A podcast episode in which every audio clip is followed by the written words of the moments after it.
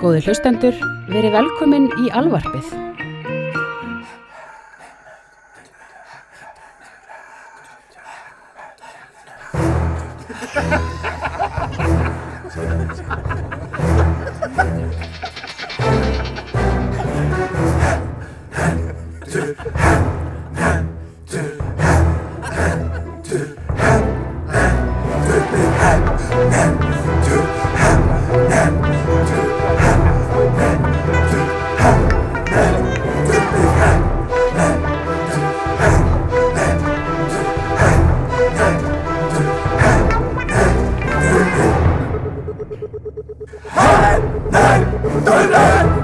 Hei, sáðu þið þarna Adventure Time blöðurnar á Thanksgiving göngunni í, í Ameríku?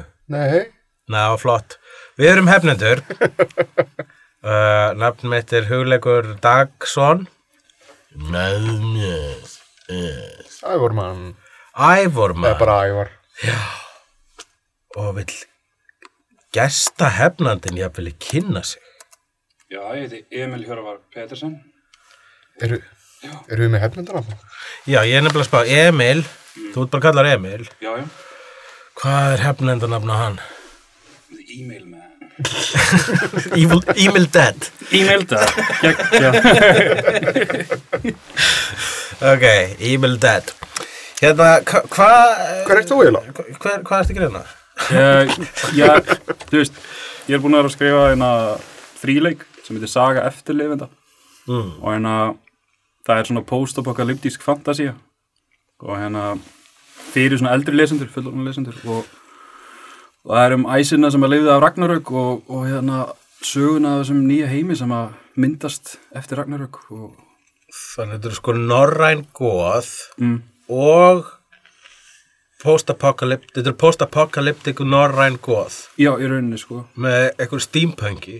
Já, steampunki kemur aðeins seinna, þetta eru Já. þrjár bækur sko. og fyrsta bókin er dálítið svona ingangur, byrjar á Íslandi, svona hveragerði sko og Reykjavík. Og maður að draga lesandan inn í atbyrða sem maður síst býst við. Mhm. og það eru sko inn, byrjar í, í, í hliðstæðum samtíma af því að svo sagt, á svona mistókst að skapa betri heim og sömu örlugum heimsins var reynt á stað. Og það sem er að gera sko í þessum sem hliðstæða samtíma er að önnur ragnarök eru yfirvóðandi og Aftur? aftur sko, það er alltaf hrinni aftur og, en það sem að gera sko er að þau gerast ekki, þau gerast næstum því og, hérna, og ringulreiðin kemur í staðinn og þá rýsa vættir eða koma út úr huldu heiminum og það vera borgarastyrjaldir og Já, þannig að ringulreiðin er eitthvað svona, hérna, það er, alter, það, er það sem gerist þegar Ragnarökin kom ekki. já, það er svona alternativ og Já. þú veist, það var svaka, þú veist, heimurinn fyrir í raunin bara í rúst á 300 árum og síðan þegar við erum komin yfir í aðra bókina þá, sérst, hún, þá virkilega byrjaði að skapa heimsmyndina sko, ofan á rústunum og, og ættbólkarsamfélag myndast aftur í eðurlöndunum og eiginlega 90% af heiminum eru bara svona wastelands, eðurlönd og það ráða óvættir og stigamenn og, og, hérna, og síðan svona mutants Þannig að þetta er Mad Max post Ragnarök með einhverju skrimslum. með skrýmslum sko og síðan Gufupukki kemur inn í þetta hérna að því að það er svo hættulegt að ferast yfir eðurlöndin og líka bara tæk, tækni heimurinn er eða hrunin þó að þekkingi sé enn, ennþá til staðar. Og hérna og þá náttúrulega þú veist loftskip og svona er örugasta leiðin og ódýrasta til þess að ferðast. Og það sem gerist líka sko að því ég kaldi eða post-apocalyptic fantasy að því að samhliða hamförunum þá koma vættir upp á yfirborðið og töfrar og kingi byrjar að vera þú veist ráðandi í heiminum og menninir eru ekki að leika lengur aðlutur ekki heldur að saminast þeim og byggja veist, samfélag með, með vættunum og þá sem sagt galdramenninir í sögunni hafa það mesta hlutverk er að, er að búa til eldsneiti fyrir sko loftskip og íms og svona þú veist svona já Mad Max bíla í eðlöndunum og þannig sko. Hva, Þú segir að bílarnir eru að keira á galdra bensíni. Já, Þetta er svo fáranlega ákvæmt. Hérna, og hvað, um, hvaða óvættir eru? Hvern, það er sko í byggi á í rauninu þú veist þeir hérna, æsinir eru sín í ákveðinu svona þú veist quest sko ímislegu þess að hérna þeir þurfa þess að til og með þess að í nýjastu bókinni þá er að reyna að finna fyrsta sköpunverk ása fara neyri Atlantis og svona og þá kemur svona Jules Verne feelingur. En, að, um, en það er óvættir sem eru sko, það eru þar sem að það er eiginlega skrýmsli og óvætti úr allum þjóðsugum og góðsögnum heimsins. Já, ok. þannig að þú veist, hún gerist til dæmis í Kína, í London þú veist, og, og, og fer síðan til Afríku og svona og þá er ég búin að vera grúska geðið mikið í sko, þjóðsögnum heimsins þar og, og þú veist, hérna, og yfirfærið að staðfæra það í sögunum, sko. Opna eftir henni hliðin til Imagination Land. Já, í rauninni, já. Já. Ég. Svo ég orientir mig betur, hvenar í svona okkar tímatali gerist, gerast Ragnarökin? Er það nútíma eða er það... Já, já Ragnarökin, allan að samkvæmt minni sögu, það er aldrei beint sagt, sko, en það má ráða í það að Ragnarökin hafi gerst í kringum 2100 eða eitthvað svo leiðis. 2100? Já, eitthvað svo leiðis. Og sagan, sko, hún byrjar í hlistaðan samtíma árið 2010, en síðan, sem sagt, hérna verður smá tímaflaki nei, má ekki hérna, hérna spilla miklu, sko, en sem sagt, hérna, önnur bókin, hún gerist á tveimur tímaskeiðin, árið 2310 í þessari postapokalyptísku veröld. Já. og árið 2012 eða eða 2011 og 12 hérna sérst, bara rétt eftir atbyrði fyrstu bókar. Og þá er ég með tvær grúpur sko og ég flakka 300 ár aftur og fram í tíman að, að, sérst, í rauninni að, að segja söguna hvernig uh, heimurinn varð svona og hvernig heimurinn er svona. Og hérna og sem saminast þessi sjónarhorn sko og í þriði bókin hann gerur svona alfarið í árið 2310 og inn á milli í allri sögunni þá eru svona flashback eða endur, endurlit. Og í fyrstu bókinu er endurlitin hérna mín svona útfærsla á þegar höður drap Baldur og hvað leiti til Ragnaraka. Og náttúrulega aðalpersonum sögunar eru þeir sem að leiða að Ragnarök sko. og hérna endurlitin í annari bókinni og þetta er svona stutt sko, stutt í textar inn á milli kapla eru svo að Baldur og Móði er hann að koma í veg fyrir að sömu það er svona glefsur í mannkynnsögunni þeir eru að koma í veg fyrir að sömu sagt, að þeir vita að, að þessi keðjuverkun mun leiða að sér Ragnarök. Þannig að þeir eru að koma í veg fyrir að Tróju stríði verði þeir eru að koma í veg fyrir að Róm verði byggð og svona, en það er mistekst á það sko. Móði Svonur Þórs. Já, akkurat, sínir Þórsson að liða og, og varvittu mjölni. Já. en í mínu sögu þá tók hérna Magni hann er í rauninni vondi Já, hinn svonurinn. Já, hann er vondi, vondi svona, móðurinn, móði er slá svona lovable karakter, hann er svona, hann er svona ferðast með Baldri Já. og hann er svona kletturinn að sér, því að Baldur er orðin sko tilfinningaless, yfir, af því að hann, hann er ennþá sérst, ódreipandi og hérna það hefur gert að verka með yfir mörg þúsund ára eftir Ragnarök, þá er hann hættur að finna til samúðar með mönnum sko, og hérna, Þannig að þeir tveir eru bara svona ráandum í gegnum tímaskeið að reyna að bjarga deginum. uh, neða, ég svo svo í, í, já, sko, Í má- flashbökkunum þar að segja. í flashbökkunum í annar bók uh, en þeir eru samt með aðsetur sko í neðanjörðaborg þeir sem sagt, eru með aðra gulltöfluna og geta fengið að sjá svona sem eru með svona prophecy eiginleika sko og hérna og eða tilgangur með þess að flashbökkunum í annar bók er að sína hvers sem sagt, það er nokkur tilgangur að sína sem sagt, að, að, hérna, að mannkinsagan sé að verða góðsögu í þessum nýja heimi Mhm. og að móði, nei hérna að Baldur sé að verða að þeim manni sem að, eða þeim á sem við hittum hann í byrjun fyrstu bókar Ég tek eftir því að bækurnar verða þykkari mm eftir því sem áliður. Þriðja bókin er ávið rúmurlega tvær fyrstu bók. Já, akkurat sko Hérna, það sko, hún er 600 síður, fyrsta bókinu 300 hérna, uh, hvað verður þetta langt? Hvað, ertu, ertu, ertu búinn, ertu að taka, ertu að taka George R. R. Martin á þetta? Nei, þetta er búið sko Þetta er búið, þetta er alveg, Þetta þetta er er trilogy. Trílógían er, er fullkonuð. yes. Síðasta bókin er alveg freka massíf sko Þá, þá hérna er þeir að þá náttúrulega að nýta allt saman saman og, og hérna, þú veist, maður róta mann með þessu sko Já. og hérna, Þetta er náttúrulega já og hérna og það er sko er dóldi svona farið í hverju ra- raunverulega æsinir eru og hvað bygg, hérna, býra baki sköpunni og svona dót og hérna En spennandi. mm Hvernig er að semja fantasíu? Hvernig er að semja post-apocalyptic fantasy á Íslandi? Og hvernig er að skrifa það? Hvernig er þú veist, var er, var, þú veist, þú, og, og hérna, fyrst þú komst með þessa fyrst, þessa, hérna, með, fórt með þetta til útgefanda, hvernig var það? það var sko, ég hef aldrei fengið hreint nei frá útgefandum Nei, þeir hafa bara þess að stjana spurt já, hvað er þetta? Og þú veist og, hérna,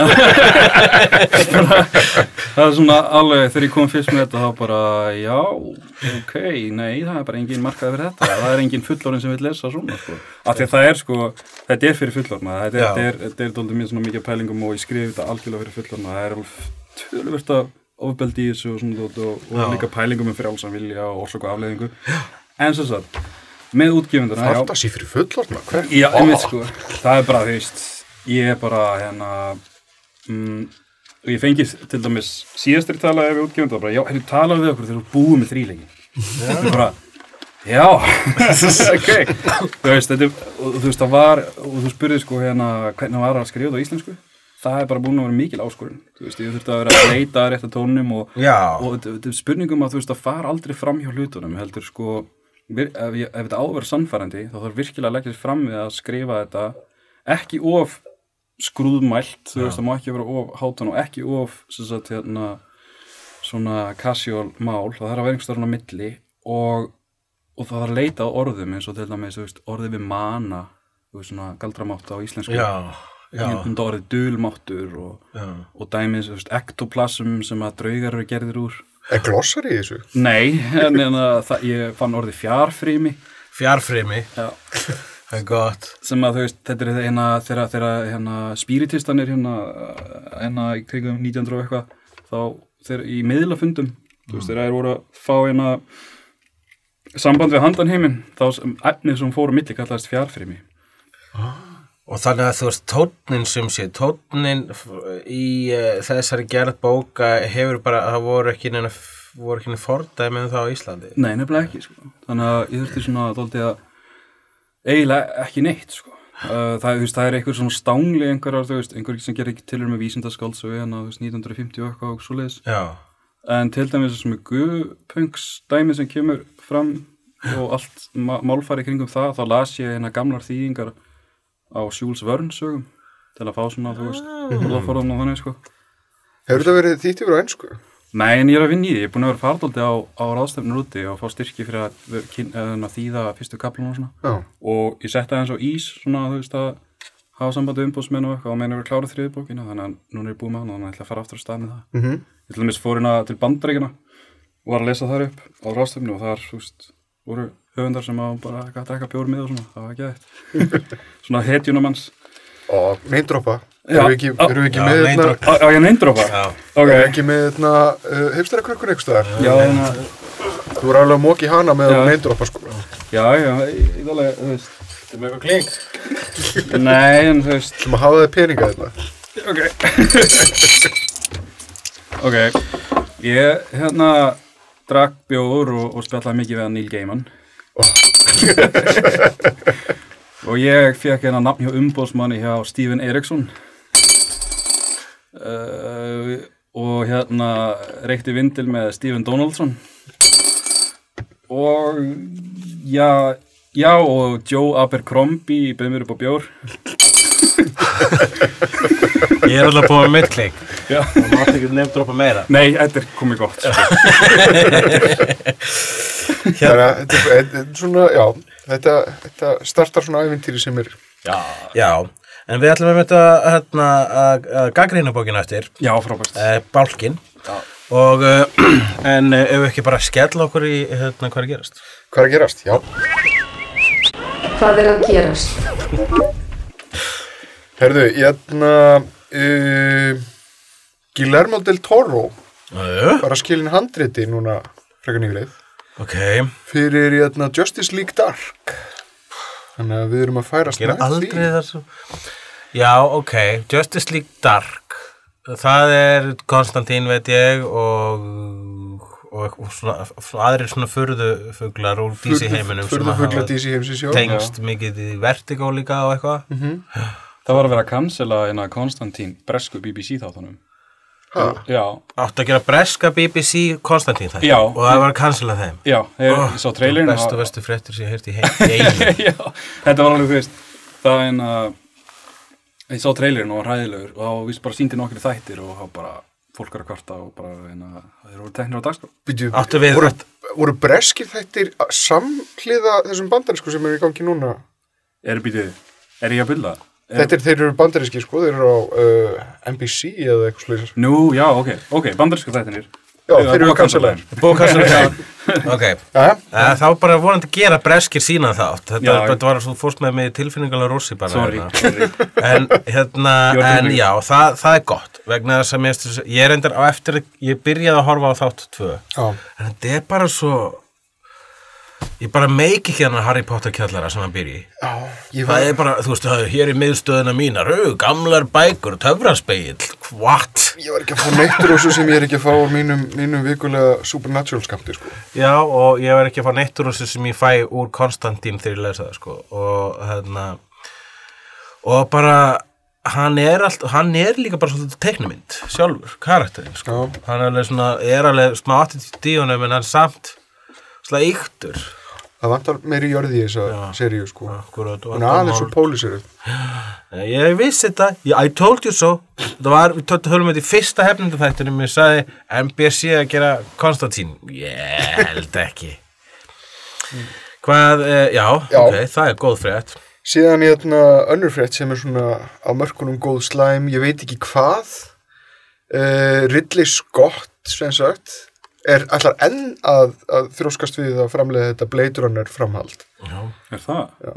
Og hann er búin að segja það að Harrison Ford, hann er búin, hann er búin að gefa plottið, þannig að spoilerar fyrir, fyrir plottið í Blade Runner 2, það er það að það er verið að, að, að reyna að hafa uppi á í þarna Deckard. Já, Svo finna þeir á hann svona I'm too old for this en þá er búið að gefa upp að hann sé hérna replika. Er hann replikant? Nefn að þá geta replikant elst? Ég sko, Nei. reyndar það var aldrei Nei. þú veist, það var, var, það, það var aldrei sagt með byrjum orðum.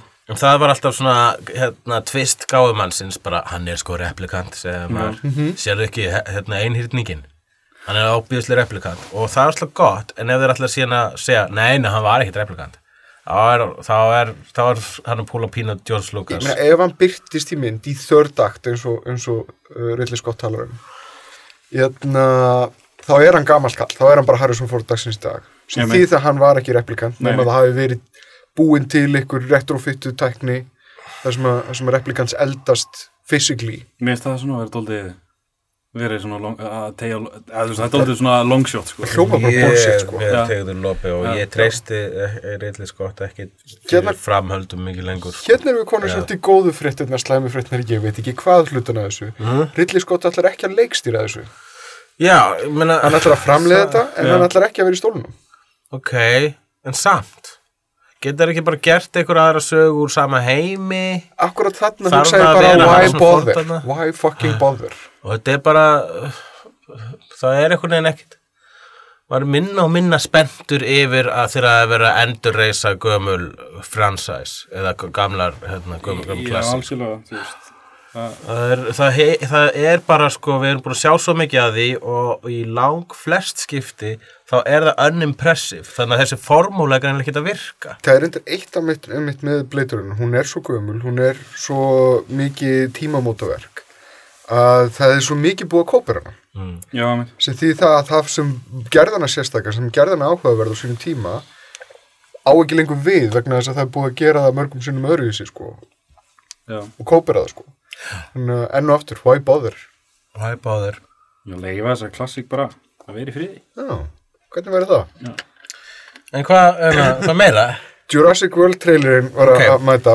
Sko, hérna gerist maður pínur hræsnari vegna þess að mest, það er úslega langt síðan síðast Jurassic Park mynd kom Já, og reyndar líka fyrst mér hluti á þessu endurreisa uh, for, forna uh, fegurð Mm. er, er til dæmis þessi hérna, tendencies til að gera mynd nummer fjögur svona áratug eftir að myndin á undan að gera sko. og það er alltaf er það ekki klikkar líka bara alltaf. vegna þess að þetta er áratugur síðan síðasta myndi? Já, það er alltaf, þú veist, Jones fjögur Já. uh, fjögur uh, Die Hard fjögur er þar hef ég lúst gaman að En þeir eru ekki, með, þeir eru ekki með neitt af gamla eitt. krátinu þarna, þeir eru bara með alveg nýtt. Já, Ef Jeff Goldblum kemur í myndinni þá er ég sáttur. Sko.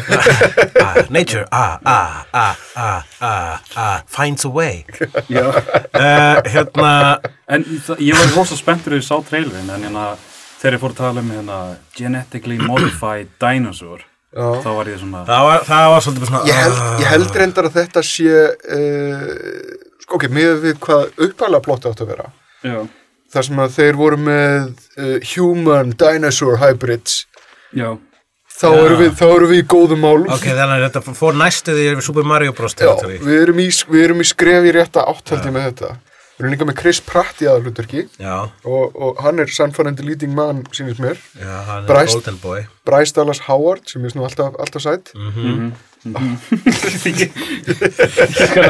Ekki það að það komi málu nokkuð við. Nei, En hérna, nei, mér finnst bara alltaf þakklátt að sjá hana, hún er góð leikona líka. og hinn hinn eina sanna Hún er eina sanna Gwen Stacy Já, Nei, það er ekki sagt, Emma Stone er betur Gwen Stacy En, hérna uh, Jú, þetta, þetta finnst mér gott að blessa vegna þess að það er og þetta er bara uh, í, í, kannski snobbi mér en mér finnst Jurassic Park ekki verið jafn heilagt og Blade Runner Blade Runner er basically art í mynd, sko ég sko, ég, ég las Jurassic Park bókina rétt að hann myndin kom út. mm. Og hérna, uh, einmitt, þess vegna var upplifun af því þegar ég sá Jurassic Park í fyrsta skipti. Það vantaði hitt og þetta, svona smá atriði sem ég varst áhugaverð og, og, og, og var svona besservissast. En, ég sverða að mér finnst alltaf hefur gaman þessu reysaður. Bara, Já, en, Já, já, já, það er alltaf gaman og það er forvittnilegt að sjá hvernig þetta hybrid verður. Alltaf að verði stego, tyranno, s- triceratops, rex, vegna þess að... human. Human. uh, hérna, sko, þessi mýfluga, hún beit sagt, allar risaðlur sem voru uppi. Hún beit meira þessar risaðlur sem ekki, voru þetta er ekki ekki einu sama mýflugan, þetta er bara, Ah. þetta er, Já, ég meina, er þetta ekki allt úr einni mýflugu? nei. Jó, það er alltaf þessi eina mýfluga sem er svona heilög. Já, það er fyrsta mýflugan sem að þeir fundu, nei, en þeir fundu fullt af Hann var það búið að koma fram? Já, já, það kom fram í fyrstu, sko. Oh. Þetta var líkillin að þessu að finna mýfluga. Þetta var ekki ein mýfluga sem var með öll þessi ég hefast sko. þetta svo skemmtilegur galli. Já, og síðan er blönduðu þeir saman sko til þess að fylla upp í svona uh, hlutana sem vantaði uh, froska og, og, og Já, já, skriðdýr já, já, akkurat. Og þess það- gáttu að skipta um Já. kyn. nákvæmlega en ég ætla uh,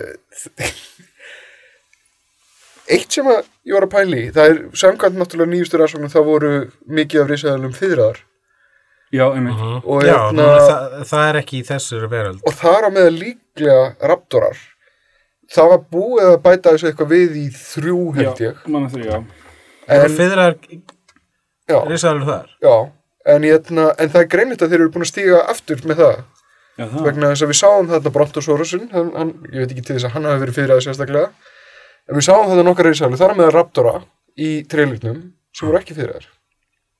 Já, já, ég, það er náttúrulega voru, mestmægnis búin að vera ófyðra risaðalur í þessu og, og þeir verða bara að halda sig við það, sko. þetta meina það bara Það er líka, ég held að heims, 90 og hvað, 7, heimsbyggðin er 6 ennþá ekki alveg búin að gótira þessa fyrru fyrru hérna risaðalur þó að ég held að þær munu koma að sterkar inn í hérna Dinosaurs vs. Alien sem að hérna, Son- Sonnenfeld er að legstira eftir bókin hans Grant Morrison.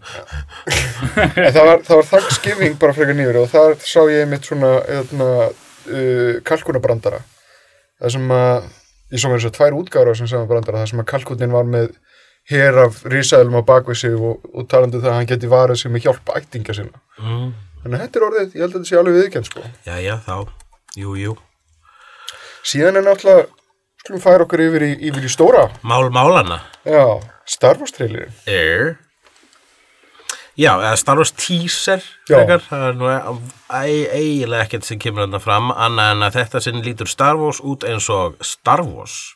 Já, Ég er já, bara pínur spenntur. Já, þetta var svolítið gaman sko, maður bara, já, langt sín ég séð þarna Millennium Falcon og síðan er þarna nýja lúkið á Stormtrooperum, svona búið, það er búið að iPhonea það svolítið upp, sko. Það er svolítið skemmtilegt Mér varst mjög töff að þú veist að poppar upp hérna stormtrooper í eðimörkinni án hjálmsins, það er þú veist begur upp spurningar sko. Þetta er vist, þetta, þetta er ekki Clone Trooper nei, nei, þetta er, þetta er einn af aðal, aðal personum Ah. myndarinnar. sem er svo stormtrooper Já, er hann. Stormtrooper eða er hann að, hann solo sig gegnum Death Star? Já, eða er þessi trúperar, er það bara, þú veist, þegar að Rebellion vann stríðið, þá tók það yfir herin og bara svona endur hann að búningana smá, vegna þess að voru hvort er klóntrúperarnir voru upprunnilega hluti af The Republic uh, áður en það breytist í The Empire, núna Já. er Empire ekki lengur til, þannig að kannski er það New Republic núna. Ég, ég meina, ef, við- ef við hugsum um bara stöðuna, eh, stöðumála eftir að, að þeir eru búin að sigra, þeir eru búin að drepa keisaran,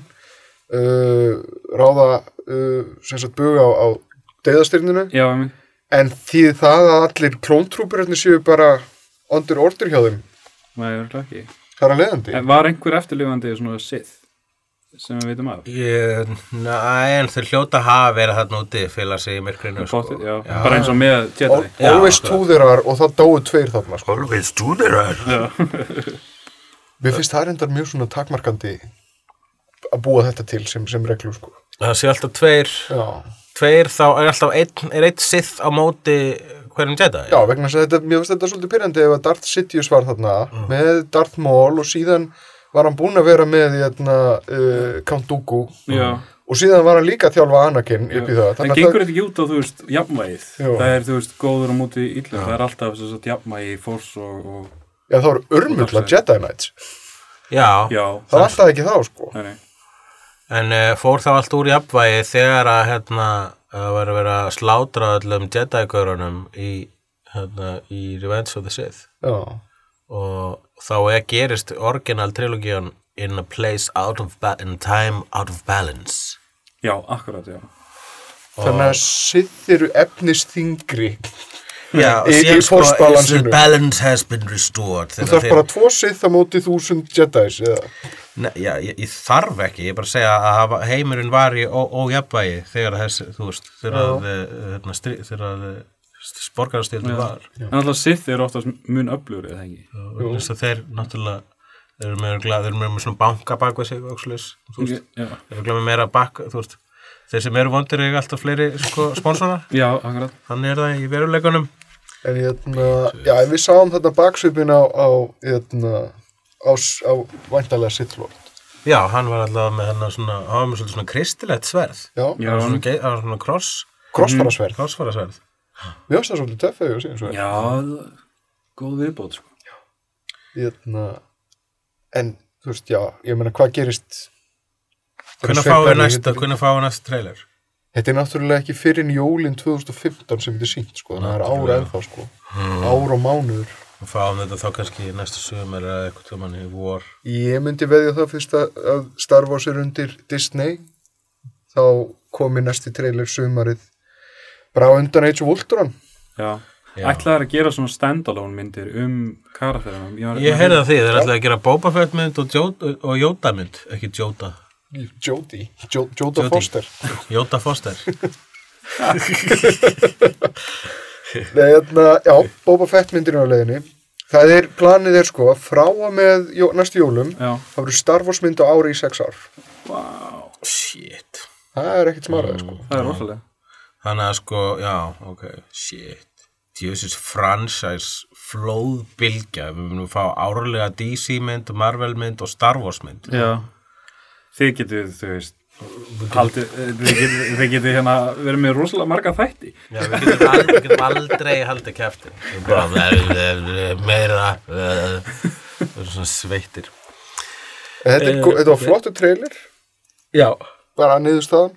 Niðurstarðan Lofar var góðu. lofar góðu hefnendur stamp of approval Það er líka, það hríslaðist pínu um hann að sjá Millennium Falcon og síðan tónarnir. það var svo flott þegar hann maður fylgjörunum hérna fljúandi þarna yfir eðimörkinni og, og, og, og sjónarhorni snýst við og Talandi reyndu um það, mm. kvikmyndatakan er miklu nútíma vættari já, heldur hún hefur verið í Star Wars myndum. nei, já, akkurat. Það var kannski svona pínu, gallir fannst með að við príkvölinn þau voru svona á svo gamaldags og gamaldags skerðar Já. og hérna, en voru með svo mikil í nútíma dæmi að það var eitthvað neginn smá skrýpi. Já, að meðan að orginal trilogían var mjög svona uh, spennandi kvikmyndalega séð. Já. vegna þess að þú veist, hann notaði þarna footage af alvöru hérna, dogfights til þess að matcha við hérna, combatið Akkurat. fyrsti, fyrsti sáðu þarna alvöru dogfights myndina hans þannig að Red Tails. Red Tails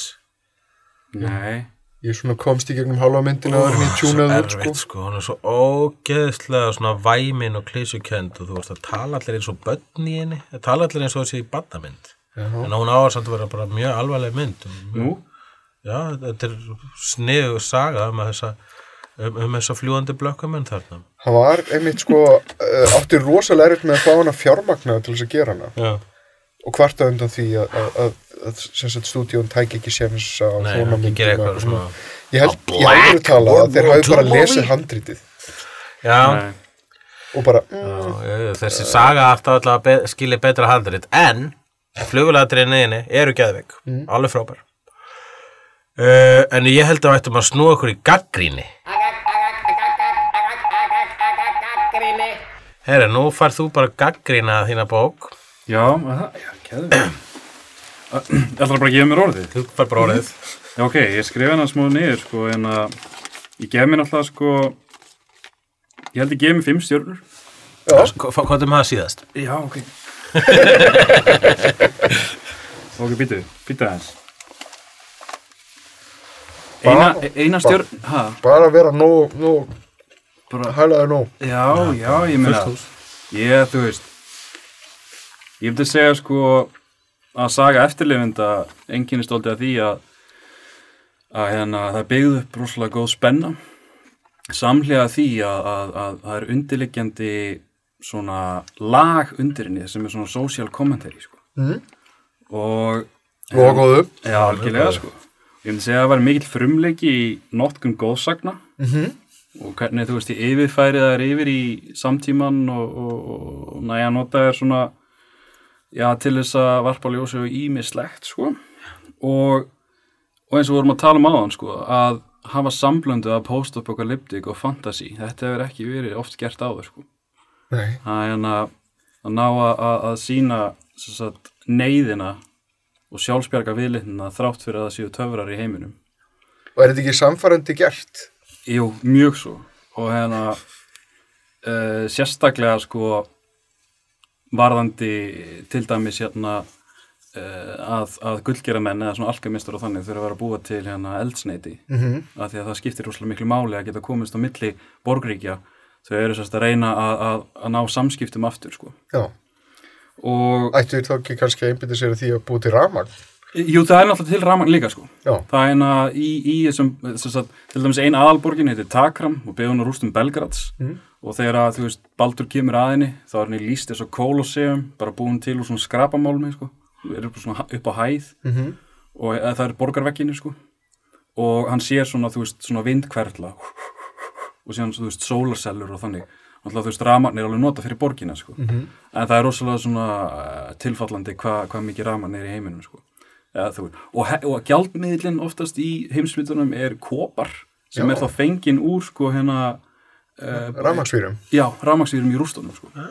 þess að scavengerar, þú veist, finna þetta í rústunum taka hérna kopar og bræðan og það er eiginlega gjaldmiðlinn sko. og hérna og ég myndi segja heimsköpunin þú veist, hvernig, hvernig þessi svaka heimsmynd er búin til sko út úr mannkynsug, góðsug, þjóðsugum og þú veist, öllu sem við þekkjum, heims, heimsbyggilegum pælingum og svona ég myndi segja að það sé dólítið svona já, mér, er- sögunni hefur hrósa áður fyrir það sko Þetta er líka bara alveg glóbal í skala og þessa heims og hin, handan heims einhvern veginn í einu. Ég- Þetta gæti ekki verið epískara í rauninni. Já, algjörlega, sko, ég, veist, ég vona bara, þú veist, ég hugsa, ég, ég, maður hugsa stórt, tegur bara eitt skrif í einu, þú veist, einhvern tíma fyrir þetta HBO, sko. Já, að, uh, síðan, sko, þú veist, þessi ævintýri sem að gerist í sögunum, þú veist, ég meina, þau fara að vekja upp tærra kotta herinn, þau leita síðasta drúítanum, þau hérna, fara hann í Atlantis og, og hérna, uh, fara líka upp í hérna Norður Ameríku, þar sem að, hérna, Íslendingaslóður eru, sko Mhm. það fer fram svona svaka bardagi sko.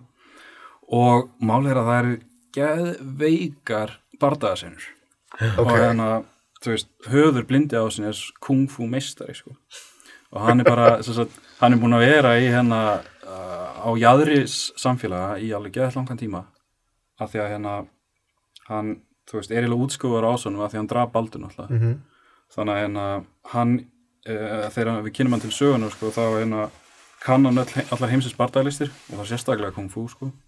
og í byrjun annar bókar þá er hann þar upp í Qingling fjallgarðinum í Shaanxi hér í Kína og hann er þekktur það sem sá grái og það er til heil kung fu stíl eftir honum svona, svona það sem er í raunin með veist, lokuð augun sko.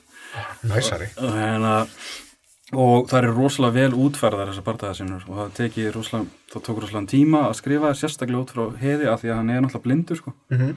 og hann náttúrulega þú veist þegar að vera skjóta úr þegar að vera skjóta úr eina byssum þá heyrir hann náttúrulega þú veist hann náttúrulega með sko ofur skilningavit önnur sko þá heyrir hann í klikkinu sko og þú veist sveið sér frá og þú veist og það er, þú veist, og málega er að trikki við að gera þetta sannfærandi er ekki bara að segja að hann kýldi hann og hann sparkaði hann heldur, þú veist, hann tók þetta, þú veist, og lýsa, þú veist nákvæmlega hvað hann er að gera og brotljóðanum og, og þannig. Og, og það er náttúrulega, þú veist, þegar maður fyrir út í þásálma það var svona ofbeldislýsingar, sko, eins og pyntingasinur og svona, og hérna, og til dæmis einn kaplinn í þriði bókinu byrjar á að sílnum var borað hægt ofan í krippuna og hérna, þá er Váli, sko, vondi kallinn sem er, er hérna, hann er eiginlega bara mjög sjúkur, sko, Já. og í þeim kapla er sko tekin töng og sliti út auga og slikt augtóft og ímislegt sko. Sem myndi segja sko að hérna kynlífslýsingarnar sem ég hef aldrei talað um áður í viðtölum sko Nei, það eru rosalega flottar sko ok, það eru uh, juicy, steamy. algjörlega sko Já, ok. það eru ekki svona fallegar, það eru meira svona dirty sko og, svona alvöru og það veist það er líkt, e, líst svitaliktinni. Mikið research og já mikið rísað sem fór í þetta sko þannig að og, og, og ofbeldi líka sko Já, þú fórst bara út að lemja og ríða. Já, ég rauninni. Ég reyndar í alvörunni, hérna, þú veist, ég, ég, ég, var, ég, ég, var, ég var að hugsa um að hérna, rifja upp allt, að þetta er búin að vera sko 6-7 ára sem ég er búin að vera að skrifa þetta. Já. Ég, náttúrulega, þú veist, rosa mikið á baki og þannig, að hérna, uh, til dæmis þegar ég var að byrja á fyrstu bókin, þá, þá batt ég fyrir augun á mér í hálfan dag og með diktafón. Ég gerði alveg 2-3 daga og var bara, þú veist, heima hjá mér. Ég þorði ekki að fara út að gera þetta, sko. En þú veist, eftir smá stund, sko, Já, byrjar hann alltaf, þú veist, að og svona reyna að upplifa, þú veist, ganga um íbúðun og gera ímsa hluti, sko, til þess að reyna að fá einhvern svona orðaforða. Já. Og svo horfði ég mikið á, þú veist, viðtölum við blind fólk, hvernig það skinjar heiminn og svona. En síðan náttúrulega bara, þú veist, er þetta, er þetta saga um svo ógeðslega margt? Þetta er ekki bara, þú veist, sci-fi fantasy og hérna, þú veist, það eru undirleikjandi pælingar um hvað er handan góðs og íls og, og þú veist, pælingar um trúabröð og orsök og afleðingu og, og hérna örlög og ímislegt, sko. Heyrist þú vera mjög hrifin að þessari bók Já, ég er mjög, mjög, mjög hrifin að þessari sögu, sko. og ertu þá með stjörningjöf? Ég myndi segja sko Já, ég var náttúrulega búin að þau spoila ég á hann sko Já, Svo já, eins og ég var að spoila endum á við, við, við klippum því það bara út sko. Já Já, ég myndi segja sko en að Já, hún fær, fær fimm stjörnur frá mér, fullt hús sko. Já, ok. Fara þessar stjörnur í svona í ykkur ákveðna þætti? Já, það eru þú veist hérna hvernig, hvernig, ég- hvernig höfundurinn, Emil Hjörvar eh, hef, hef, stjór, eh, hef mikla stjórn á atbyrðarásinni og, og, og næri að halda rosalega mikið um alla þræði og, og personur og hérna alveg ótrúlega hvernig hann spinn, spinnur þetta allt saman saman sko. Og hvernig þú veist byggingin og spennan og hérna þú veist og líka þú veist að ná alltaf að, að falla aldrei að verða banal sko Já. Já. þannig að hérna, Það er erfitt. nefnir sko Ég, er bara, á- ég ákveð bara að vera banal. Það er svo erfitt að vera ekki banal. Það, ég bara, þú veist, ég endur skrif, þú veist, þú, þú veist, síðasta bókin 600 síður, hún er skrifuð svona fjórum sinnum, að því Já. að, þú veist, maður þarf að endurskrifa, allan að ég líti á þannig að, þú veist, að að endurskrif, þá, það er eiginlega svona mest kreatíft, finnst mér, að því að þú veist, það er eins og, það er mjög tilgerlegt að segja, það er eins og, hérna, þú veist, mála annað, aðra umferð. Writing is rewriting, það er bara, það er reglan sko. Það er, það er spretta upp góðu hugmyndir Já, algjörlega, sko, þú nær að, að fá miklu með fókus. Writing is rewriting. Já, já, fimm stjórnur. Fimm stjörnur, fullt hús hjá hefnundum. Eh, saga eftirlifanda. Ef við kannski heyra Emil Hjörvar Pettersen. smá brotur bókinni eða Já, heyrðu, ég er með, Já, ok. gerum það, þetta er mjög stutt, sko. Jú. Og, Hérna, við skulum einhvern veginn kynna það. Og uh, nú verður lesið brot úr, uh, er þetta þá sí- síðasta bókin? já, nýðhöggur, nýðhöggi. Nú og nú verður lesið brot úr bókinni Nýðhöggi höfundur les. Sjöndi kapli, Náströnd. Í sortanum yfir niðafjöllum sáust skýðlogandi glæringar. Út úr ljósinu ruttist loftskip samsett úr nöglum döðs fólks, beinum óvætta og leifum þess fleis sem það eitt sinn var. Sem stærsta og mesta skip veraldar bar það enn nafn sitt, naglfar. Skjótt þvar ljósið og aftur tók við sortin og blá lifturinn sem þeistust sífelt um heiminn kvolfið. Með fram stórskornum hringlaga fjallgarðinum breyti strönd úr sér. Þakin löskuðum fjarfrimum sálna sem rötuð ekki út í tómið heldur skólaði á land í þessu hulda ríki. Í miðju ríkisins sem neyðafjöll og náströnd mynduðu ólgaði byggsvartur hafsjór eins og úttróðin ormagrifja. Rétt undir yfirborði hafsins köstuðust til nakin lík mannveru á vætta. Öldurnar lægði aldrei, þær þrýstu sér linnu, linnulaust upp á land af fullri hörku og bárustundu með sér nýjar sálir eða skiluðu líkumum sem mótast höfðu í hafrótinu. Á ströndinni og í berginu byggðu þegnarnir húsín, sóttu sálir og lík hvern morgun til afnóta í verksmiðum og bækistöðum sem fundust í hellum og dölum. Á eigu í miðju hafsins risu salir nýðhaugs, veldisins jamt sem drega ormsins sjálfs. Aflöng álmaskipt byggingin líktist rótnandi líffærum undir röð súlna meðfram veggjónum sem náðu alla leið upp á þak og slúttu þar hverað annari eins og risavaksin beinserkur. Aftan við bygginguna var, var flugstöð með breyðum velli fyrir loftför, loftskip jamt sem loftbelgi. Þangað stemdi naglfar. Málefni dagsins. Herðu, elsku vinur minn. ég var bara að pæla. Uh, hvort þú vilt halda aftur hári mínu þegar ég fer að æla í ballinu í kvöld. Við erum að fara á ball, við erum að fara að skal, við erum hefnendur, tralalala. Ekki leifa mér að syngja of lengi, því að ég er illt í, um, já, ég ætla að það get ekki verið illt í mínum drengi. Nefn, jú, nefn það er svona eins og tippi. Já, Ég er illt í mínum getnaðar drengi. Nei, það ljómar ekki vel. Um, hérna, getnaðar drengur. já.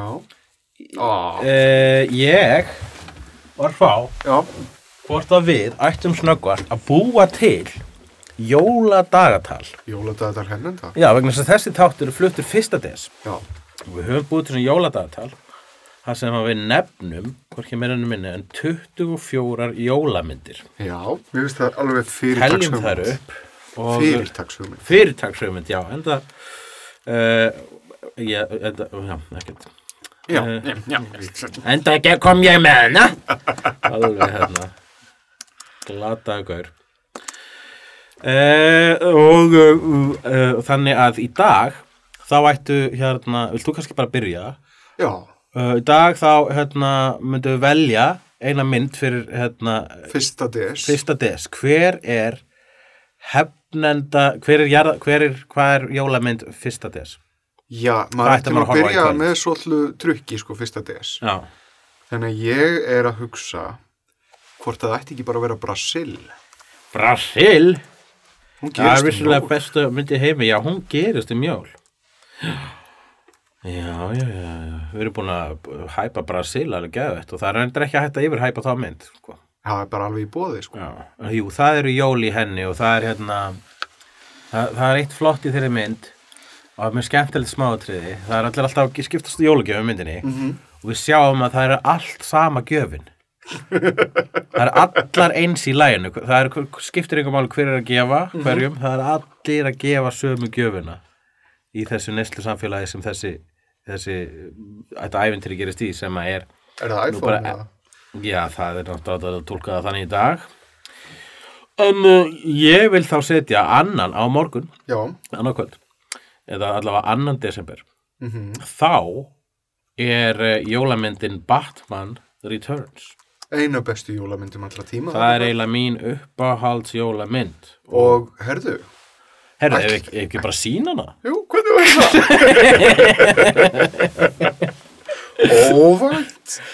Uh, hérna, já, sínum hana hurra á þriðutaskvöldi annan des klukkan átta. Já, hvernig væri Gera það bara. Ok, höfum svona jólahefnenda bíó Já. vegna þess að hún er sko vissulega hefnendalega, þetta er hérna mynd. Já. og uh, hérna og Við reynum að finna eitthvað svona kanil, svona ilmspjöld eða eitthvað til þess að hafa, til þess að gera aðeins jólalegri stemningu. já við sko reyna kannski að baka peipakökur ef að baka peipakökur svona læn svo Batman-merkið og nú erum við satt ég hef, hef, hefur þú tíma? Nei, hei, jarðabúar komið með peipakökur sem er læn svo Batman-merkið. Please. please. Herðu, já. Já, það, er, sko, það sem er að hún er rosalega jólaleg. Mm og uh, en hún er líka svo brútal. Já, og uh, hérna, fjallar um sko gleymdu, þú veist fjallar basically um svolítið svona, ég veit ekki, þú veist þetta er personunar þrjár eru svona einhver, einhver personur sem aldrei fengið að njóta jólana já. Batman hefur verið munalaus allæfi og sömulegis uh, mörgjaðsinn sem er eitthvað svona speilmynd hans í þessu sko. Hún var hent í holræsin af fóreldur sínum á fucking jóladag vegna þess að hann var vanskapaður. Við höfum náttúrulega talað alveg út í eitt um Batman Returns. Já, ok. Og við eigum eftir að tala meir um hann á, á, á einmitt, morgun, Já. Já, við ættum þá kannski ekki að eða orku í hann meira. Og hérna og, uh, og við eigum eftir að njóta þess vel held ég. Ok, hvað segir þú að vera þriðatis? Þriðja des uh, er einn af mínum uppáhalds og það mun vera hinn stórglæslu og skemmtilega minn Just Friends með Ryan Reynolds og Anna Faris Hún er skemmtileg. Já, það er mynd hérna, ég man þegar dómatir komu í hérna, Empire Magazine að ég treysti Empire Magazine tilturlega vel. Þú veist, þeir eru, mér finnst þeir vera mjög hitta oft á sammála takkan minn. Um, þeir, þegar þeir gáu hérna, Just Friends dóma, þá gáu þeir henni alveg held ég þrjára fjóra stjórnur af þeim. Og en þeir sögðu sko einmitt vegna þess að á, þá er svo margir sem að þegar ég segja fólki að sjá þessa mynd þá heldur fólki að þessi djóka og á yfirborðinu lítur út, út þessu drasl. Já, en uh, það sem að Empire sagði og lísti bara myndinni í sögunni og endaði síðan hann að stutta dóm sinna og segja and it's much funnier than it, it has any right to be þar er henni rétt líst þetta er alveg þannig mynd. Átt ekki að vera svona fyndin. Mér fundist þetta líka um myndina She's the Man með Amanda Bynes. Já, og eitthvað svona örfáðu skipt, önnur skipta það er þessar földu myndir sem líta út eins og eitthvað sjoppumyndir en eru bara litlar, litlar snildir. Just Friends, ógislega veitin Anna Faris, konunars Chris Pratt fyrir þarna á kostum. Fjórða Fjórða hérna desember. Þá langar mig að setja Muppets Christmas Carol. Ó, klassík. Þar sem Michael Caine My name's Michael Caine leikur skrúke. Og svo eru allir hinn eru bara brúður nema einhver svona, ein, ein kona sem hann er skotin í. Það er alltaf hérna, spennandi að sjá þegar prúðuleikarinn taka fyrir klassísk æfintýri að sjá fyrir hvaða prúðuleikari tekur fyrir hvern sko. Hvað? ég man ekkert, var ekki Ég- stóri hérna, Ghost, Ghost of Christmas Present það var hérna stóri hérna loðni hérna, It's time to fight the music svona, það var svona brún, ekki blái heldur brúni Já, hvað hva er Gunso aftur? Gunso var sögumæður Ah, Hey, everybody. og hann var alltaf með rottuna hjá sér já, og hann var svona Let me tell you a story. fyrir sér sem mynd Muppets Christmas Carol, hvað segir þú í 5. desember? 5. desember um, Iron Man 3 Fokkaði þér. Iron Man 3 Já, ég held að krakkin sem við sáum í hérna Jurassic World trailernum Sé krakkin á Iron Man Man 3 Já. það er einn af uh, skári krökkum á núti, hann var alltaf að fyndi í Iron Man 3 Já, hann var vel skrifaður í. Iron Man 3 Enda Iron Man 3 skemmtilega skrifmynd og taland um það að hún sé skrifuð Hún er skrifuð af Shane Black. Sem að gleymir aldrei að setja jólin í sína myndir. Hefur hann gleymt að setja, hefur, er til jólalaus uh, Shane Black mynd? Predator. Já, hann skrifaði hann ekki. Ég held að hann hafi samt tekið eitthvað pass á handritið og Já. þótt hann hafi leikið og hann sagði, ég vil bara að skrifa um þannig frumskóg ef það eru jólatrí En ég en nafn Shane Black sá eftir að koma fyrir oftar held ég á þessu lista? Já, að minnst kosti einu sinni eða oftar ef að þú ætlar að taka, breyta þessi eitthvað Shane Black Parade. Já, þetta er bara, hann er maður sem elskar jólin og gefur svo vel af sér. Ég veit alveg hvaða mynd þú vilt setja aftur og, innan listan og ég er alveg hjartalega sammála. En drögum línuna þar sko, setjum ekki lín þannig upp úr 1, 2, 3 og síðan Blast Boy Scout Strega hérna, strega hérna. Getur ekki sagt- Ég verð að svo jólamynd myndir af Shane Black eru meira með Shane Black myndir og það er alltaf jól í þeim. Það er ekki myndir jólamyndir en, en meina, það er svo sem ekki regla sem við erum að fara eftir. Iron Man 3 samin af þarna uh, þrjá hluti sem ég veist ásamlegir Shane Black, Jól og uh, táknmynd mín Iron Man. Já, akkurat. Uh, jú, Vel valið. Í sjötta sæti þá ætla ég að setja myndina Black Christmas. Frá árinu 1974 það er að segja original Black Christmas sem er slashermynd sem að heitir uh, líka ef maður rétt um, Silent Night, Evil Night. Og he- einnig þekkt undir nafninu Stranger in the House. Og Stranger in the House er mjög viðjandi titil vegna sem þetta er byggt á frægri svona urban legend þarna uh, uh, the babysitter and the man upstairs. Það er hérna, þú veist He's, the call is coming from inside the house. Þetta er byggt á þeirri sögum Ég, núna get ég ekki beðið það til 70 DS kemur vegna þess að ég á ennþá þurfa að sjá Black Christmas. Já, ég hef nefnilega aldrei séð sem heit alla en, ég, en, en hérna uh, þú veist, vegna þess að ég var bann ég sá hana sko. Þannig að ég lokaði augunum yfir einhverjum atriðum eh, en þarna er hún Margot Kidder líka á ferðinni, svo var rosalega sæta á þessum tíma Já. og um, uh, já og þetta er basically bara um slasher eða svona, svona gaur sem að stynur í síma, svona perra sem að er að fela sig í sorority heimili, sýstrafélagi Já. og þannig að það verður mikið öskrað í þessari mynd hvað segir þú um 7. DS? 7. DS. Ég var að hugsa um kvikmyndina, kvikmyndina Bad Santa Mm með Billy Bob Thornton í aðalhutturki. eftir Terry Zwigoff sem gerði Ghost World og uh, Crumb Já. Og þessi mynd er líka svolítið skemmtileg fyrir þess að gera að Coen-bræður framleiðana. já, það er alveg rétt Fýrin vinir þarna ferð, sko. Já, ég hef ekki séð hana sín í bíó, ég man að hún var eitthvað svona smá vonbreiði vegna þess að ég hef fyrst þessar hinamyndir hans uh, góðar, hann Zweighoff, reyndar var Art School Confidential heldur ekki nógu góð, uh, Krömm er mistaraverk. Kram er meistarverk og Góðstöldur meistarverk. Já. Uh, þessi er þarna, hún er bara alltaf skemmtileg Já. og, og, og, og Thornton er frábær í henni og svo er hún líka, hún Lorelai mín þarna, Já. Lorelai mín og Gilmore Girls, hún er, hún er uh, romantic interest í Bad Santa.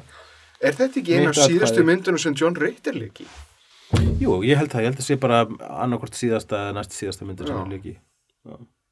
Það var frábær leikari. John Ritter leika einu svona uh, deytið hennar mömmu hennar Buffy þá var, kom síðan ljósa að hann var velmenn. Já og eftir það hafði hún, hún, hún Buffy mikla óbeit á velmennum Mhm. en það er tvent sem Buffy hata mest velmenni og afmæli sitt Já. Jæja, þetta fór út í ykkur Buffy umræðu uh, hvað, er, já þá var Þú þú þá ég gera, þú gerir bara Santa Mhm. þá ætla ég að segja ha, uh, eina helviti góða uh, jólamynd þú varst að koma með grín þannig að ég ætla bara að henda inn hinni Shane Black myndinni Strax. Fannst þér að ætti að líða? Fyrst að þetta líða smá tími? Fólk ætti að hreinsa Shane Black bragðlaugana sína. Eða Shane Mér Bragð langar, mér langar til þess að setja nú. Ég meina, að- allt í lagi. Shane Blagðlaugana sína. Þú vilt að við hreinsum Shane Blagðlaugana aðeins lengur. Ég skal alveg gútur að það, þá ætla ég að segja annað. Trading, nei. Ekki ga- gamamynd strax eftir gamamynd Ok, uh, heldur. Mm, The Ref einnig þekkt sem Hostile Hostages mynd frá 1994 Dennis með Leary. Dennis Leary og Judy Davis og Kevin Spacey í aðalutverki. Þetta er basically lítið leikrit en það eru bara þessi þrý leikara sem við sjáum mest allan tíman. já. Versta gíslataka sem gerst hefur. Já, hér segir frá uh, glæpamanninu Dennis Leary sem að uh, brýst inn í hús og síðan er uh, verður svona hostage situation að hann bindur hérna, e, e, hjónin sem eiga húsið niður.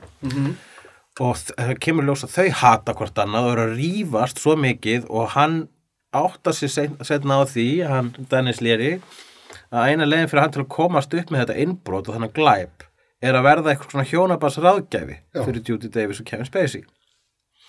Og þetta er þetta er mannlegt, sinister sarkastik leikrit það er allir blótandi og þetta er svo Hvort hjón, finnst þér- hvort finnst þér- hjónaskilna grín er fyndi grín Hvort finnst þið betri titill samt? The Ref eða Hostile Hostages? uh, ref fyrir upprunnilega titlin Já. þannig að ég, ég, þú, veist, Þú ég, ég held alltaf með Já. Mér, oftast mér finnst Hostile Hostages eiginlega betri titill. hostile, hostile, hostage Þetta er samt svona, já, aðeins meiri svona, það er, er eitthvað svona, það er eitthvað hérna, stuðlun í þessu sem ég kann, kann að meta. ok Herðu, ho- já, The Ref eða Hostile Hostages þú, þú það, það, það, það snestu búin að segja þarna það sem ég ætlaði að velja næst en Nei, þú mátt alveg segja það. ég, ég ætla samt ekki að gera það, ég ætla að segja In Bruges Er það jólamynd? þegar hún gerist um hátíðarnar Mm. Þú ert mjög mikið fyrir svona jólamyndir sem eru eiginlega ekki jólamyndir. það gerast um jólin, Já. þú þarft ekki meira En það þarf ekki að fjalla um að anda hleypa jólana líka af myndunum sem eru gerðar fyrir jólin og eru um jólin. Við erum að því Því Ég held að þú, því, ég held að þú ert að forðast jólin sjálf. ég var með Bad Santa í síðasta sko. Já, ok, og fyrir stið fyrir það. En það er, það er, samt, það er samt svona einhver kaldtæn anti-jólamynd. ég er endar mikill aðdáðandi jóla sem sagt, Sko special. eina myndin sem að er sko jó- jóla-jólamynd hérna, er, það eru tvær, svo komnar eru, það er Muppets Christmas Carol og uh, Black Christmas og Bad Santa. Já, ok, það er þrjár þarna af nýju sem eru komnar. Ok, hvernig er, hérna, segjum frá, In Bruce er vissulega góð, en ég, sko, eins og, ég, hérna, hefði fattað þetta líka með Iron Man, en ef ég hugsa In Bruce, það myndi mér ekki dætt í hug á hann gerast í jólin. Ég man ekki neinn jól í henni. nei, nei, hún er ekkit sérstaklega svona, augljóslega jólamynd en hún er jólamynd, Það er svolítið hipsteröld val hjá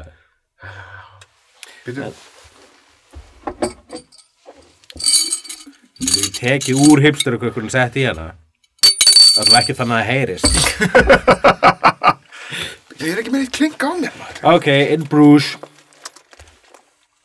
Óli rosa flott, frábær mynd og það eru smá jól í henni. Og uh, hérna, uh, þá ætla ég að koma með jólamynd bara til að jafna þetta út. Svona aðeins af hipster eða þennan lista, sko. Ok, burt með þetta. Þá ætla ég að segja Star Wars Holiday Special. Star Wars Holiday Spe- já, ég veit ekki hvort að það sé góð, gott, góð upplifun að horfa á þá mynd. Já, veistu það, ég hætti kannski ekki að hafa hana með vegna þess að hérna, hún er ekkert svo fáanleg. Að það er hægt að ná í hana netinu. Jarðabók geta nálgast hún auðvitað er til plakat fyrir það? Nei, en það, hún, þetta var náttúrulega uh, huge event á sínu tíma, sko. Ok, það er samt ekki alveg þarna, þarna byrtist Boba Fett umverulega svona á einhverju ráði. Já, ég held að fá nafni sitt þar. Já en hún er, hún er, ég ætla að sleppa henni vegna þess að hún er ekki jólamynd, það er Life Day mynd. Vegna þess að jólin í geimnum heita það, Life það Day. er nú jólsamt Já, sjá hana bara til með það, ég ætla að Veitu, er, eru er, er, er lítið Star Wars Holiday Special? Jöp, Ok. ég ætla að líta henni.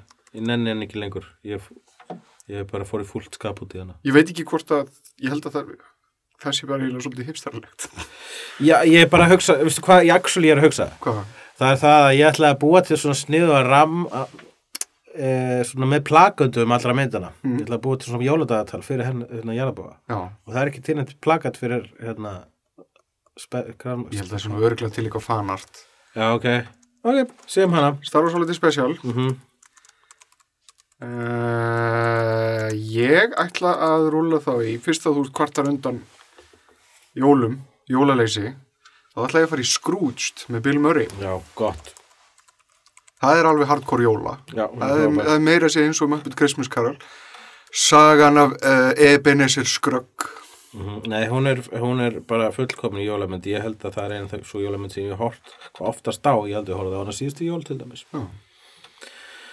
Og það þarf ekki mikið að fjölur það með hana. Þetta er bara Bill Murray og punktur. Mm Uh, þá ætla ég að segja ha, ætla ég að segja Rare Exports finska myndin Mm. hefur séð hana? Já, hún er rosalega sætt ókislega skemmtileg og fullt af allsberum gömlum köllum í henni já.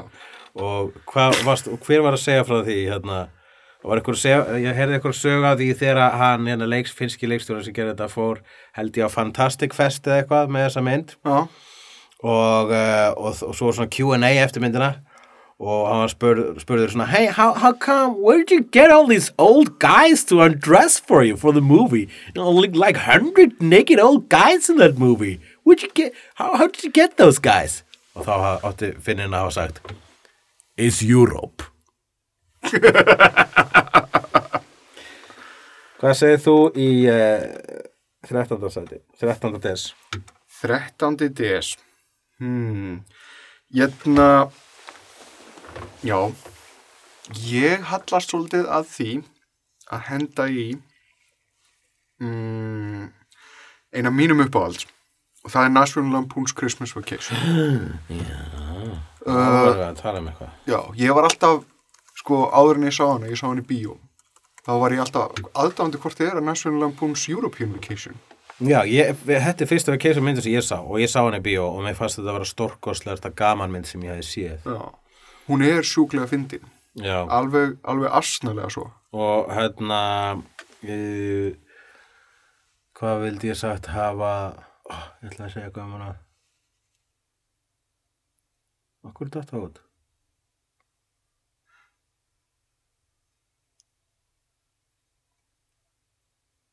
Hún er náttúrulega með skemmtilegu kasti. Og þetta var skemmtilega kasti. Uh, Chevy Chase lög líklega í sínu besta hluturki sem Clark Griswold. Uh, síðan var hann að Julia Louis er Dreyfus. besta-.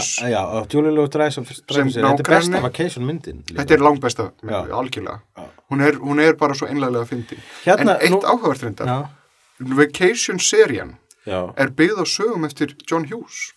já, ok. Hann skrifaði sem sagt söguna fyrir National Lampoon's Vacation og síðan var, var European Vacation held ég líka byggð á handrit eftir hann Mm. og síðan var Christmas Vacation byggð á einhverjum, einhverjum, einhverjum dálkum í National Lampoon tímaritinu sem að hann John Hughes skrifaði sem sagt fyrir það tímarit Ok, og þessar sögur eru sem sagt úr smiðju John Hughes að hluta. Já, ég er ekki eins og því. Uh, já, það, svo, svo, hann, hann, Chevy Chase var í öllum uh, vacation myndunum, með Já. þess að straight to video myndinni Las, Las Vegas Las Vegas Ca- Vacation, nema reyndar var einhver spin-off mynd sem að Randy Quaid lék í, Já. sem var einhver svona Eh, vacation spin-off. Uncle eitthvað, Uncle Eddie's uh, Island Vacation, eitthvað Já. alveg, já. það, það, já, ég hef ekki séð þá myndu, ég veit ekki hvort mér langar til þess. En hvað lítan næstur- listir á Ed Helms, að Ed Helms er að fara að leika hérna í einhverju rebooti Jötna, Vacation. uh, ég var svona pínu, ég veit ekki hvort þessi nú he, heilagt til þess að það tröfli mig eitthvað. Nei, það er ekki heilagt, en ég held að það sé göllu hugmynd vegna þess Nei, að... hann leikur nefnilega Rusty, son Clark Griswold. Já, þannig að þetta er b- Þetta er framhald. framhald alveg, Já, þetta, er, þetta heldur áfram sögunni sem Það var. er sko. að hafa allavega þrýr eða fjóri leikar að leiki hann að rösti uh, hinga til í þessu myndu. Alveg man að- nýr í hvert skipti. Já, akkurat. Já. Uh, fjó, í 14. desember þá ætlum við að setjast niður fyrir framann Arin Eldin, einnig þekktur sem sjóarp og uh, taka fyrir uh, stór skemmtilega jólamynd sem að heitir Kiss Kiss Bang Bang Já. skrifuð af Shane nokkrum Black mm kannastu við hann? Ég, ég heirt um hann. Já, þetta er vissulega ein af þessum uh, myndum sem að jólin eru bara í, en skipti ekki öllu máli, en þetta er fyrsta myndi sem hann leggst Mér finnst þetta nú hámark hræslinar að gaggrina mig fyrir þetta og, og, og, og stela síðan Shane Black myndinni sem ég ætlaði að heipstra yfir. Já, ég er ekki, ég, ég er bara hræðilegu maður. Þú, þú ert það pínu, já. Já. Í þessu tilfelli, já. Já, ég er bara stundum mjög leðilegur og mér þykja það mjög leðitt, sko. Ég byrst bara ásökunar, bara mjög einlægt. uh, Kiss Kiss Bang Bang er, Frábær er samt sko, það er, málið er að hún er svo, jólin er svo ábyrðað í henni, það er jóla ljós allstar, þetta gerist í LA, þannig að það er bara allstar jóla eitthvað. Um, Þetta eru, þetta eru svona, já, sólarjól. já, Og, en líka frábær mynd. Já, þetta er, frábær mynd. þessi mynd er endurisa Robert Downey Jr. og hefði orðið endur þess að Val Kilmer hefði hann ekki bara síðan farið aftur í Obscurity eftir þessa mynd. Já. Vegna þess að það standa sér allir frábærlega Val Kilmer er frábær. Þetta er noir mynd, þannig að, en, en samt Ég svona hef búin að sjá hana noir. hana þrísvar, ég veit ekki en þá, ég missi þráðin alveg svona, ég hef náð alveg inn í sko kannski 70 mínútur og svo mista hann. En, en, en, en það skiptir ekki máli vegna þess að hún er svo skemmtileg. Já, hún er skemmtilega en það, það er, svo, svo mikill, eh, mikil einhversbæðara mynd, hún er svo chandlerísk Mm að... Uh, Raymond Chandler, ekki Chandler Bing. Ó, það er það svo kemur. um, þá er þú með 15. desember, elsku vinnu minn. Jötna, mér langar til þess að halda áfram í jötna, jóla, jóla, jóla. Jólamyndum? Já, og jötna, eh, ég ætla bara að segja Trading Places. Ah, Trading Places. Mhm. Þú tekur eina mínum, ég tek eina þínum.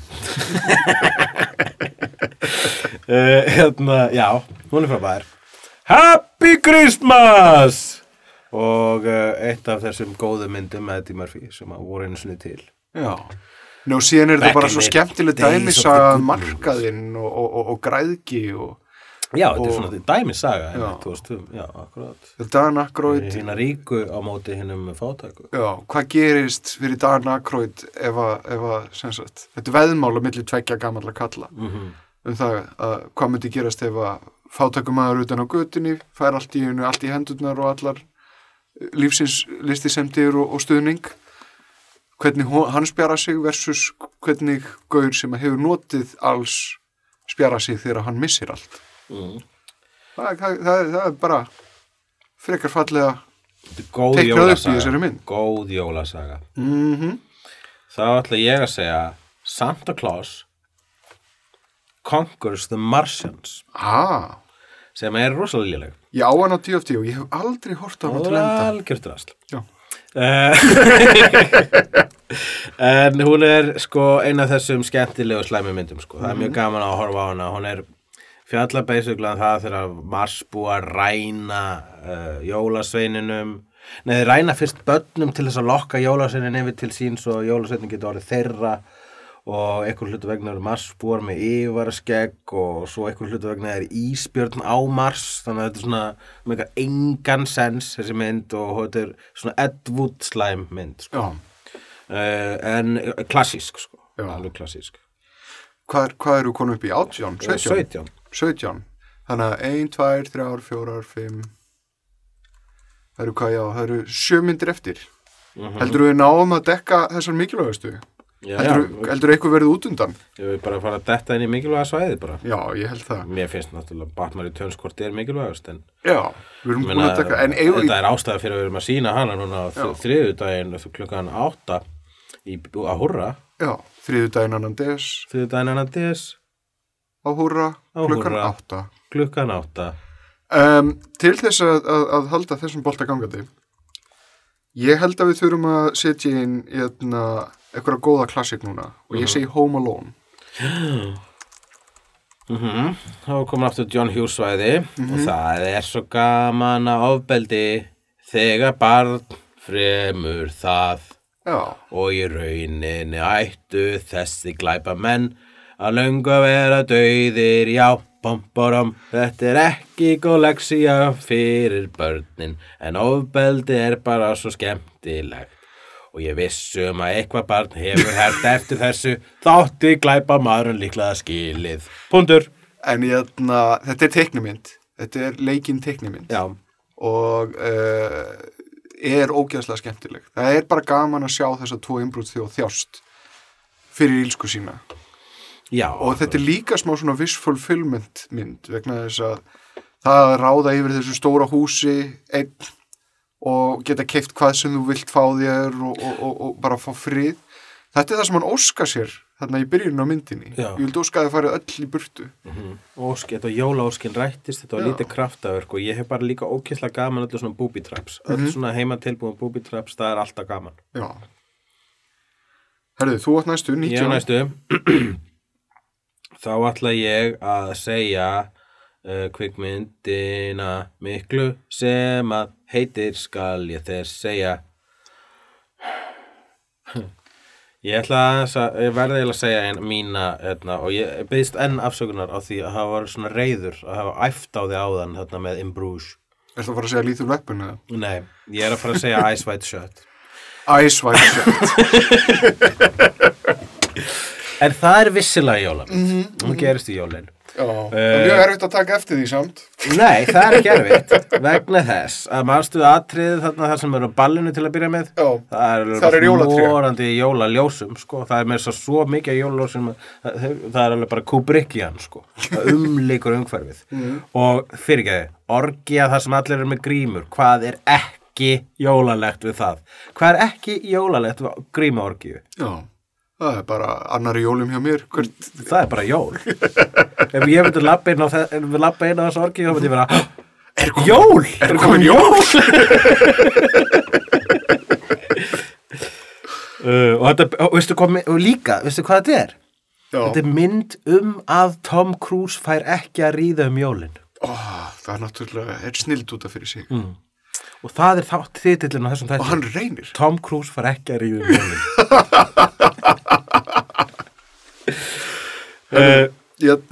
uh, já, fyrst að við erum konir hann í kanonuna núna. Edward Scissorhands verður að- koma hann Mhm. einhvers staðar inn. Já, Edvard Scissorhands verður einmitt uh, jólamynd, uh, önnur jólamynd Svartra svarta sunnudag. sunnudag. Já. Það verður Börtunísk jól. Hver er hinn myndin? Já, það er myndir sem ég spáði við sem báður í 2004. Já, Des. já, ok. Uh, Edward Scissorhands er allavega 20. desember. Já, finnst það, það, er, það, er, það er pjúra jólamynd vegna þess að hún, hún er sko, hún telur niður á jólum, byrjar á sömurinn og endar á jólin og er sagan af því hvernig jólasnjóra verður til. Og er með Vincent Price. Ég veit ekki, þetta var mjög lélega eftir herma. Vincent, Vincent Price is more like this. Hello, children. hann, þú manstu hvernig þetta er eins og þarna, Creeping in darkness þannig að hann er thriller. En hann er með fallega rödd. Edward Scissorhands, 20. des. 20. des. Það eru, þrjá, það eru fjóra myndir eftir. Uh, nú vandast málin skal ég þess segja sko en ég ætla að segja bara þá eina mikla klassík sem er Die Hard Ég hefði, er það ekki 24. des? Þú kennst að það myndi fara 2004 Já. Ég er nefnilega ekki það mikil Die Hard aðdáði Það er bara hinn fullkona mynd. mm, mér, Hún er rosa flott og góð en ég, sé, ég geti til tíu actionmyndir sem er betur en Die Hard Mér finnst hún ætti að vera lágmark 2003. Hún er Þorláks. Viltu það? Ég nefnilega, ég er með þá föstu reglu. Ég horfi á, á þrjár myndir á jóladag. Mhm. Og þetta er einn þeirra. Ok, ég skal gangast við því, elsku vinnur þá ætla ég að segja, þá bara þá segi ég Die Hard þegar það kemur á mig næst Já. en uh, þá ætla ég að segja It's a Wonderful Life já. Sem er nú samt ekki jafn svona rík hefð eins og er í bandaríkjunum þar sem hún Nei. er bara spiluð á lúpu. það er allar myndir sem gerast um jólin í bandarækjunum, þá er alltaf einhver að sína Já. þá er alltaf að vera að sína einhvern horfa á þá mynd Mhm. um jólin meira þess að í einni mynd sem ég skil ekki ekkur og ekki búin að nefna og ég vona að þú nefnir núna Já. Uh, Ertu að meina myndin Ernest Saves Christmas? Nei, en allar að segja hana Nei, ég ætlaði að segja hérna, uh, Elf. Auðvitað. Veistu það, ég held að Gremlins var að detta út af listan Nei, það getur ekki gerst. Það er bara, ef við verum að sleppa okkur Die Hard eða uh, Die Hard er 23 Já, og Gremlins er 24. nei Ertu að segja mér það að þú sért með aðra mynd? Aðal jólamynd allra tíma er 24 Obviously Já, þú ert að meina Nightmare Before Christmas. Já Ég held að við erum að gefa Gremlins frí Við vorum líka, þú veist, Gremlins var áttið þarna hátíð í, í Bíóparadís um daginn, hennar GN3 Já. Já Þetta er samt hinn fullkona jólamynd, sko. Ég viltu henda út einhverju hérna á listanum og setja Gremlins í staðinn? Nei, nei, nei, nei, við verðum að láta þetta gerast svona eðlilega. Eh, Þú segir Elf, algjörlega, hún er frábær Ég vil Já. ekki að hún fara á listanum og ég myndi frekar horfa á hana í dag heldur en ef ég segja þessu bara vegna sem ég búin að Gremlins svo oft en Mm. Elf er frábært upp á þess aðtriði mitt þannig að bara tyggjóið Mm Mm. Hann er alltaf að borða tyggjó út í gegnum myndina. Já, hann er alltaf bara tyggjó á gödunni Já.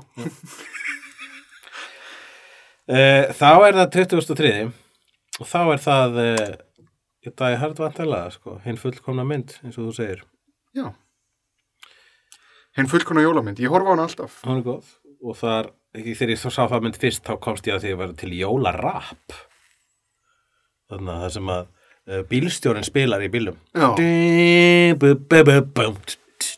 Hann er endar eitt gaman við Die Hard, akkur hún er jólamynd. Og það kemur til vegna þess að Shane Black, eða sem sagt hérna framlegandinn hans, uh, að því hérna Lethal Weapon, Mm.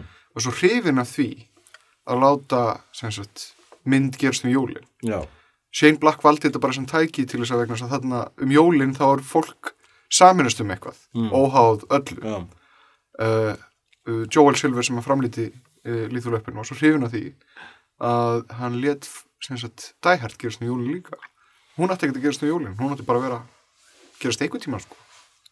Já. Svona orsakast hlutinu stundum í Hollywood. Þannig að við erum að leiðin í 24 Já, og þá finnst mér, ég, það, ég meina, Nightmare Before Christmas er, ég myndi segja, nú, þú veist, það er mesta klassíkin, nú, það er nútíma klassík. ég er búin að vera að stíma beint á Gremlin sem 24 sko. Já, en ekki gleyma því í öllum jóladagatölum sem ég hef séð þá er súkulaði í 24 tvöfalt stærra en súkulaði í hinum mm. ég held að þarna sé tvenna það er það ekki svolítið stílbrot? Ég er, núna er bara Aspergerinn í mér að tala, sko. ætti Aspergerin ekki bara að gefa sér frí og við fáum að horfa á Gremlins og Nightmare Before Christmas og aðfangadag eins og, eins og góðu fólki sæmir Er enginn hérna sem vil taka út, sko? ég vil ekki taka út, ég vil að listin sé bara eins og hann eins og hann æxlaðist Já, ég mér til mér Brasil eða einn brús Bruce eða Star Wars Holiday Special svo takk ég eitthvað að mínu. Eða The Ref þess vegna og maður vikja fyrir Gremlins. Um, já. Þarna kemur Aspergerin upp hjá mér. Mm. hérna Star Wars Holiday Special. Ef að kjósa nút ég er alveg til í að kjósa nota einu sko. Það er bara ekki ánæguleg upplifun að horfa á Star Wars Holiday Special. Nei, það, það, ég veit það, það er það sem ég, ég hef aldrei séð það. Ég, fólk bara segir þú vilt ekki sjá það. Fólk segir þetta sé sko, þetta er ekki þú veist, þetta er vissilega slæmt, þetta er ekki skemmtilega slæmt. Nei, ég held að það sé boring, þetta er vist boring slæmt. Þetta er nefnilega sko já, þetta er eiginlega bara leiðilegt Sorry, sko, þessi, þetta Star Wars Holiday Special vist, munum vist aldrei frá, fá sjans hjá hefnendum, mannstu þegar við vorum næstu við vorum að spá í að sína hana á, á, á Nei, sleftu því. Nei. Það eru Gremlins tíunda. Uh, Búið. Ógnar fjör má alltaf sjá. Í Reykjavík. Á landinu um loftin blá. á sænum Hættur og háski Látur og gáski. Hefnendur Í Reykjavík Hefnendur Í þess Hefnendur